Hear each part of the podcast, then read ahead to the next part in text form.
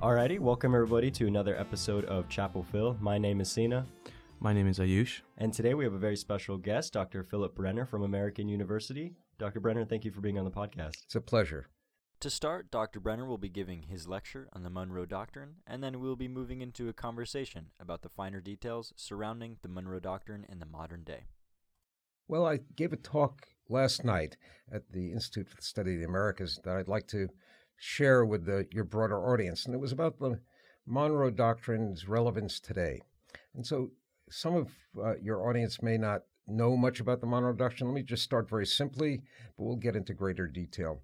Uh, the the reason it's relevant today is that uh, President Trump announced that the Monroe Doctrine is the policy of the United States. He's, uh, he said one year ago at the United Nations, here in the Western Hemisphere, we're committed to maintaining our independence from the encroachment of expansionist foreign powers. It's been the formal policy of our country since President Monroe that we reject the interference of foreign nations in this hemisphere and in our own affairs. And then more recently, uh, the then National Security Advisor John Bolton, in April of this year, uh, said, This incredible region must remain free from internal despotism and external domination. The destinies of our nations will not be dictated by foreign powers. They will be shaped by the people who call this hemisphere home. Today, we proudly proclaim for all to hear the Monroe Doctrine is alive and well. So, what are they talking about? This is a doctrine that's almost 200 years old. And what's the problem? Why would anyone even care? Is this such a bad thing? It sounds reasonable, uh, but let's go into what it's about. So, let's start with the Monroe Doctrine was issued in 1823 by President Monroe. Uh, and what the doctrine says is that with the existing colonies or dependencies of any European power, we will not interfere and shall, we have not interfered and shall not interfere. So we'll leave the existing colonies alone. but with the governments who have declared their independence, we could not view any interposition for the purpose of oppressing them or controlling them in any manner of, in any manner their, uh, that would affects their destiny by any European power in any other light than as manifestation of an unfriendly disposition toward the United States. It's impossible that the Allied powers should extend their political system to any portion of either continent without endangering our peace and happiness. So, this was a doctrine that essentially declared the Western Hemisphere different than European. Uh, we were democracies, although we weren't all. Um, and the idea was that the European powers that once had colonized South America and uh, the and Central America would no longer have the right to come back and try to recolonize. These were countries that had gained their independence just recently, uh, 18, 18, 1820, Mexico 1810. Um, and the sense was that the Europeans might want to take it, take it back, particularly actually Russia was our main concern at the time. So what's wrong with this? Um, for one thing, it's been applied unevenly. Uh, in 1834, when Britain uh, claimed islands off the coast of Argentina, they called it the Falklands. The Argentines called it the Malvinas. We did nothing. Um, and the Argentines still to this day uh, rankle about that. So the fact that we've applied it unevenly suggests it's not really a policy, it's more of a lens through which we see Latin America. So let's take a look at what the elements of that lens is. The first is that this is a paternalistic and racist uh, doctrine. The second is that it was issued unilaterally. And the third, and probably the worst part of it, is that it has neo-colonial aspects. So let's start with the paternalism uh, in this. They, uh, John Quincy Adams, who actually wrote the doctrine. He was U.S. Secretary of State in 1823. In 1821, he said about Latin America, I have not yet seen and do not see any prospect that South American countries will establish free or liberal institutions. We shall derive no improvement to our own institutions by any communion with theirs, nor is there any appearance of a disposition in them to take any political lesson from us. In 1950, George Kennan, one of the architects of post World War II U.S. foreign policy, considered one of the wise men of the 20th century. Uh, he went to South America for the first time and came back and issued a report uh, to the State Department explaining why we should not waste any money on Latin America. Uh, he said, in South America, climate, together with the Castilian tradition has pressed a number of the more important urban communities up into poorly accessible mountain sites at the price of a tragic and ineradicable artificiality. Against this unfavorable geographic background, the Spaniards came to Latin America as the bearers of a national and cultural development in which many of the more hopeful origins had already died, and little was left but religious fanaticism. What was that fanaticism? Catholicism, and a burning and frustrated energy and an addiction to the most merciless cruelty. To those portions of the New World where an Indian civilization was already in existence, human history bears no record of anything more terrible ever having been done to an entire people. The shock to the national consciousness was profound and irreparable. Here is the true illustration of the crimes of the fathers visited on their progeny. For as the Spanish intermarried with these native peoples, the course of whose history had been so ruthlessly interrupted, they came to share the scars and weaknesses which they themselves had inflicted. And elsewhere in Latin America, the large scale importation of Negro slaves into considerable parts of the Spanish and other colonial empires and their extensive intermarriage of all these elements produced other unfortunate results which seem to have weighed scarcely less heavily on the chance for human progress. Utter racism, uh, uh, extraordinary contempt. Uh, so, the first element of the Monroe Doctrine, we need to protect you because you can't do it for yourself. And embedded in this is the idea that they are inferior. The second element of the Monroe Doctrine is unilateralism the Latin Americans didn't ask for it. It's as if uh, you, your neighbor, uh, is left on their lights, and you're an environmentalist, and you say, "Oh, they're wasting energy." You come into their house and say, "Turn off those lights." Uh, well, it's maybe with good intentions, but they didn't ask for your help, uh, and so uh, it's kind of humiliating. In 1933, the the Mexican foreign minister said, This doctrine bothers, disunites, and hurts us. As long as something is not the result of reciprocal arrangement or obligation, even if it is a favor, it bothers and humiliates. Now, let's talk about colonialism because the uh, historians dispute whether the real intention of the Monroe Doctrine was imperial. After all, the United States seemed to say we're only going to protect you from uh, the European evil intentions, not that we want to dominate you.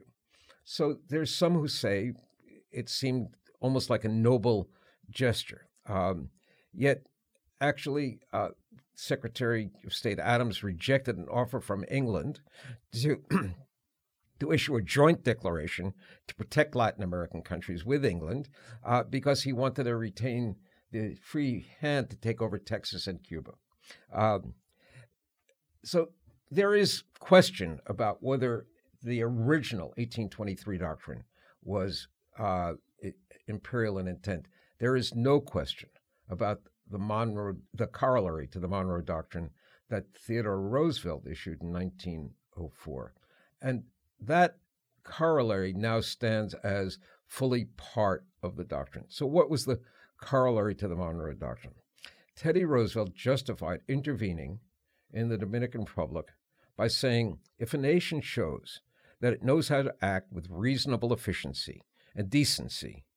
If it keeps order and pays its obligations, uh, it need no fear from the United States. But chronic wrongdoing or an impotence which results in a general loosening of the ties of civilized society may, in America as elsewhere, require intervention by some civilized nation. And in the Western Hemisphere, the adherence of the United States to the Monroe Doctrine may force the United States, in flagrant cases of such wrongdoing, to exercise an international police power. What the, this doctrine uh, that uh, Teddy Roosevelt uh, articulated is called preventive war. in international relations, preventive war is illegal because it is aggression. Uh, international law uh, distinguishes between preemptive war and preventive war. Uh, preemptive war is the, a war where you're, an enemy is building up its troops on your border uh, bringing in cannons and missiles and whatever, and looks like it's about ready to ignite the spark. And uh, under international, you don't have to wait until they actually fire on you. You can fire first. Uh, but it has to be an imminent attack. Uh, what changed in uh, this, and 100 years later, when President George W. Bush uh, invaded Iraq, he said, well, someday Iraq may get uh, weapons of mass destruction. And if they do, and we know they don't wish us well, then they're likely to harm us so we can go in now. Well, that's like saying if your neighbor buys a rifle to go hunting, you think, well, uh, we might have a fight someday over the fence line and he's going to shoot me because, he, and you go in and you burn his house down. Uh, it's, it, you can't live in a world like that. It's not. Uh, that's not civilized. And yet, that doctrine, which was criticized by a lot of people, criticized President Bush for articulating that. That was the same idea that Teddy Roosevelt articulated with respect to Latin America in the corollary to the Monroe Doctrine. And following that, the United States did, in fact, go into the Dominican Republic. It went into Cuba and intervened several times. It went into Nicaragua, Haiti, all over the Caribbean region, and we came to dominate uh, the region as a result of that. So, this is the doctrine that uh, uh, President uh, Trump is asserting is now our policy. In 2013, Secretary of State John Kerry, speaking for the Organization of American States, said the era of the Monroe Doctrine is over. Wow. It's understandable why he would say that if he want he was trying to improve relations with Latin America. And Latin Americans consider the Monroe Doctrine racist, unilateral, and colonial. Uh, they call it Monroeism, uh, and it's despised by Latin Americans. Uh, but uh, Kerry was attempting to now say that's the past and we are now, the era is over. So when President Trump and John Bolton, Secretary of State Tillerson, say the Monroe Doctrine is alive and well, well, they're resurrecting a doctrine that is racist, imperial, and unilateral. And it is bound to damage our relations with Latin America. So, what do we have to do? The first thing I think, in terms of improving relations with Latin America, is that we have to renounce the Monroe Doctrine again uh, and maybe even apologize. We have to begin to act towards Latin America with what I call empathy. Empathy is different than sympathy. Empathy is putting yourself in someone else's shoes, but more importantly, seeing yourself as they see you. Very hard for us to do. The first step might be apologizing for what we've done all these years even President Obama, who attempted to empathize with uh, the uh, people of Cuba when he went in 2016, he said, before 1959, the United States exploited Cuba, denigrated Cuba, treated Cuba very badly. since 1959, we've been shadowboxing. Well, he got it right in the first part, since 1959, the United States was not shadowboxing with Cuba. Uh, the shadowboxing is where you look in a mirror and you pretend that you're boxing. The United States attempted to assassinate the Cuban leadership. It supported an invasion of Cuba. We still have an embargo against Cuba that makes it difficult for Americans to travel, for us to buy anything from Cuba. Uh, and so uh, the it, he didn't quite empathize. We have to recognize what we've done. We have to maybe apologize for what we've done, and then think of Latin America not as our backyard or lesser than. We have to think of them as partners, and that's something we can learn from them as well. You know, the United States has difficulty doing this because it's such a powerful country, but our power is uh, very rapidly diminishing. In Latin America, the United States is no longer so dominant. China has uh, become Brazil's largest trading partner. Uh, China is the second largest trading partner for most of the other countries in Latin America. Uh, the second largest amount of foreign direct investment that China has anywhere in the world is in Latin America. And so it's a country that is becoming much more important player. Uh, we might see this as a threat, and that's a real danger. Uh, so to think that the Monroe Doctrine governs us, which says we are the rulers of Latin America, when Latin Americans are choosing to interact with other countries, uh, puts us on a collision course. And that's a very dangerous thing because China is not a small country. And why do we need to get involved in them on the basis of a fake and false uh, doctrine that no longer has any relevance or ever should have? Let's have a conversation. Absolutely. Thank you so much. That was that was wonderful. Um, so I first have a question about the current administration right now. So when we talk about this like embedded racism within the doctrine, do you think the current administration agrees with that, or that's a reason they want to use it, or do they kind of contend that issue?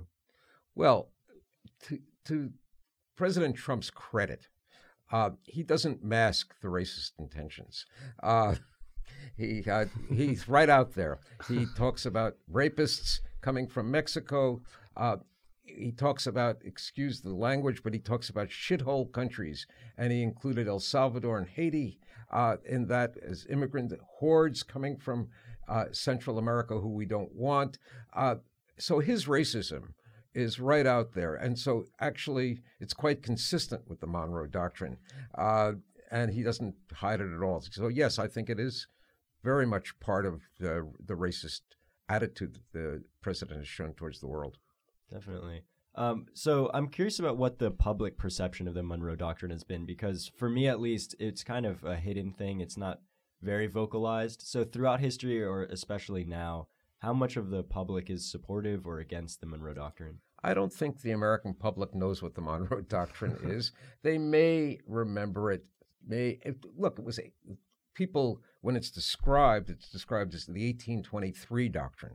Mm. People forget that it includes the, the, the Roosevelt corollary. So, people 200 years ago, this is, you know, 2019, 200 years ago, doctrine, what relevance does, you know, it's just words, but it does for Latin Americans mean an awful lot. Uh, there is an old saying that Latin Americans never forget and North Americans never remember. Uh, and they very much remember what the meaning of the Monroe Doctrine is. They know the Roosevelt corollary. Students in Latin America are taught about this. We're not taught about it. We talk, I mean, we barely get to the 19th century in history classes. I mean, we start with World War II, I guess.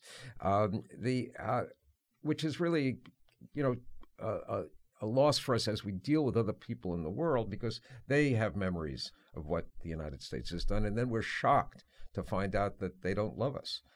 Uh, so yes, uh, I think Americans don't know much about it, but Latin Americans do. Hmm. Do you think that um, the Monroe document had any like usefulness in its first implementation? Because the European powers must have been at least somewhat interested in recolonizing the Americas. Did the Monroe document play into um, their actions at all, or was it sort of a joke? Well, uh, I, the European powers had a very minor interest in recolonizing. Uh, remember, we're talking about Spain, which was largely depleted, really. Uh, it was able to hold on to Cuba, but barely, um, and, uh, and in Puerto Rico.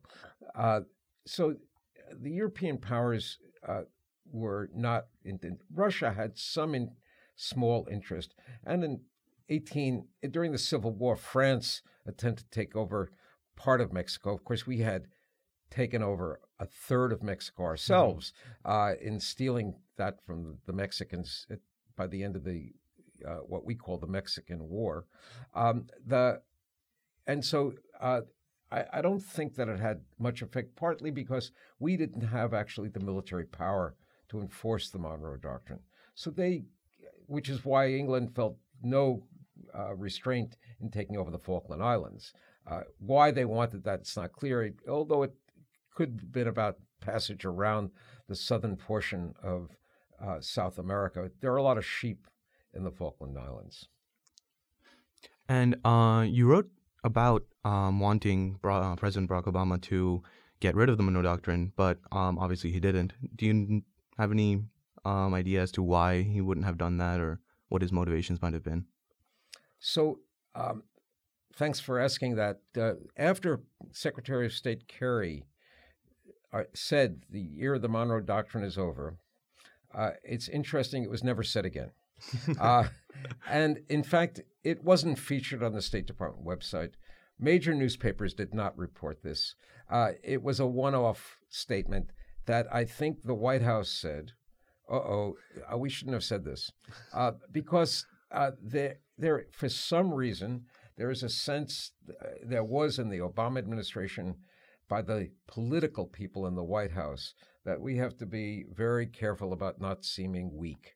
Uh, and mm. this would make us look weak. Uh, I don't think that's true. I mean, they were worried at first about reestablishing relations with Cuba, and uh, it turned out to be a benefit for President Obama. Uh, so I think they miscalculated, but there is this worry of appearing unmanly, weak, and as a result, I think uh, he they let it go by. How necessary do you think the Monroe doc- Doctrine is for justifying strong arming um, Latin American countries, like how we've renegotiated NAFTA to try and be better in our favor? Well, I think it. I don't think it has any impact at all. I mean, it, because it's a unilateral doctrine. The, the the Latin Americans had tried uh, for many years to uh, abrogate, have the United States abrogate the doctrine, and in a sense they did by having something like the Rio Treaty, which uh, is a mutual defense treaty, not one-sided, um, and uh, the, there are things like the summits of the Americas that are joint enterprises. Um, the so I don't think the Monroe Doctrine is a, has any merit in it might be self justification, but since the American people really don't know what it is, it doesn't seem to work that way. Um, but I think it is important as a, a understanding is it is a lens, and because it's a racist lens, I think that's why we have to get rid of it. Hmm. So it's of my understanding that at one point we had the opportunity to invade Canada. Uh, why didn't we use it then? Well, the, the goal of invading Canada came during the War of 1812. Uh, in fact, uh, James Madison, uh, President Madison, uh, that was one of his ambitions in engaging in the War of 1812. Uh, but uh, they, we weren't able to do it. I mean, the Canadians pushed us back. Interestingly, in 2012 to 2015, when we when it was the anniversary of the War of 1812. The Canadians celebrated this as a victory over the United States because even though they were a colony of Britain, they were able to push us back and not let us take Canada. So we essentially gave that up. We agreed not to invade them anymore. So the Monroe Doctrine no longer was relevant. To bring it back to the current day, um, why were the actions by Evo Morales such a substantial deal in, in Latin America, or I guess Bolivia? So Evo Morales was the president, and he was controversial because uh, there's a tradition in constitutional governments in Latin America for limited terms. Uh, at one point, it was uh, traditional for president to serve only one term. In the case of Bolivia, they changed the constitution and had him serve two terms. He then uh, served a third term. He was elected, uh, but there is some question as to whether or not uh, the Constitution would, uh, the, the Supreme Court in Bolivia uh, agreed to allow him to run for a third term, whether they acted in uh, in a way that was consistent with their constitution. So he now there was an election in Bolivia last month, and he claims to have won the election. There seems to have been some fraud. That's still uncertain, but it seems to have been some fraud in the election. Um, and there were large protests about his victory. What the concern is that uh, he was still president until January, uh, and he was essentially removed from office. So this is why they call it, and some Latin Americans call it a coup that the United States may have backed. It's not clear because they, uh, the Bolivian government had actually removed many U.S. personnel. The whole USAID mission was removed from uh, Bolivia. And so it's not clear what influence the United States had in this, but certainly we had let it be known that we didn't like Evo Morales, so it strengthened the hand of the opposition. And then I have one more question about the nature of the Monroe Doctrine. So we see um, with Belgium and all these other European countries that have gone into Africa, uh, a lot of that's explained by sort of the white man's burden, um, wanting to colonize and bring up people that they saw as lesser. Now, there was also a, a system of slavery in Latin America, the encomienda system, um, and then you had mestizos, people of European descent, and people of Latin American uh, heritage interbreeding. And you've discussed the state report. Uh, do you think any of the incentive um, behind going into protecting, in air quotes, um, Latin America was just to to bring them up and to, in our same sense, Americanize these people. No, I don't. Th- I don't think the the Monroe Doctrine was an effort to Americanize these people because I think we didn't want to mix with these people. Uh, the mm. Adams, I could give you other quotes of Adams's contempt, uh, John Quincy Adams, his contempt for these people because they were mixed race. We did not want to engage with these people. Uh, uh, the, uh, but we, there may have been some concern about uh, Europeans coming in and providing a base to attack the United States. This was never about the Latin Americans. And with regard to slavery, we, of course, at the time still had slavery. Uh, and so uh, it was hardly a justification. It wouldn't have been a reason we wanted to go in there to end slavery. So at the time, we didn't have an army or a navy when it was written. So I guess my question is, is why did it end up working? Why did it end up remaining as a doctrine? Well, it didn't work. I mean, it uh, you know it was an expression of a, a, U.S. belief in itself that we are the city on the hill, the chosen people by God to lead the world. But it never really worked. Uh, we, I mean, except when we ultimately did intervene in Latin America uh, after the Roosevelt corollary, when we did in fact have built up, begin to build up a military.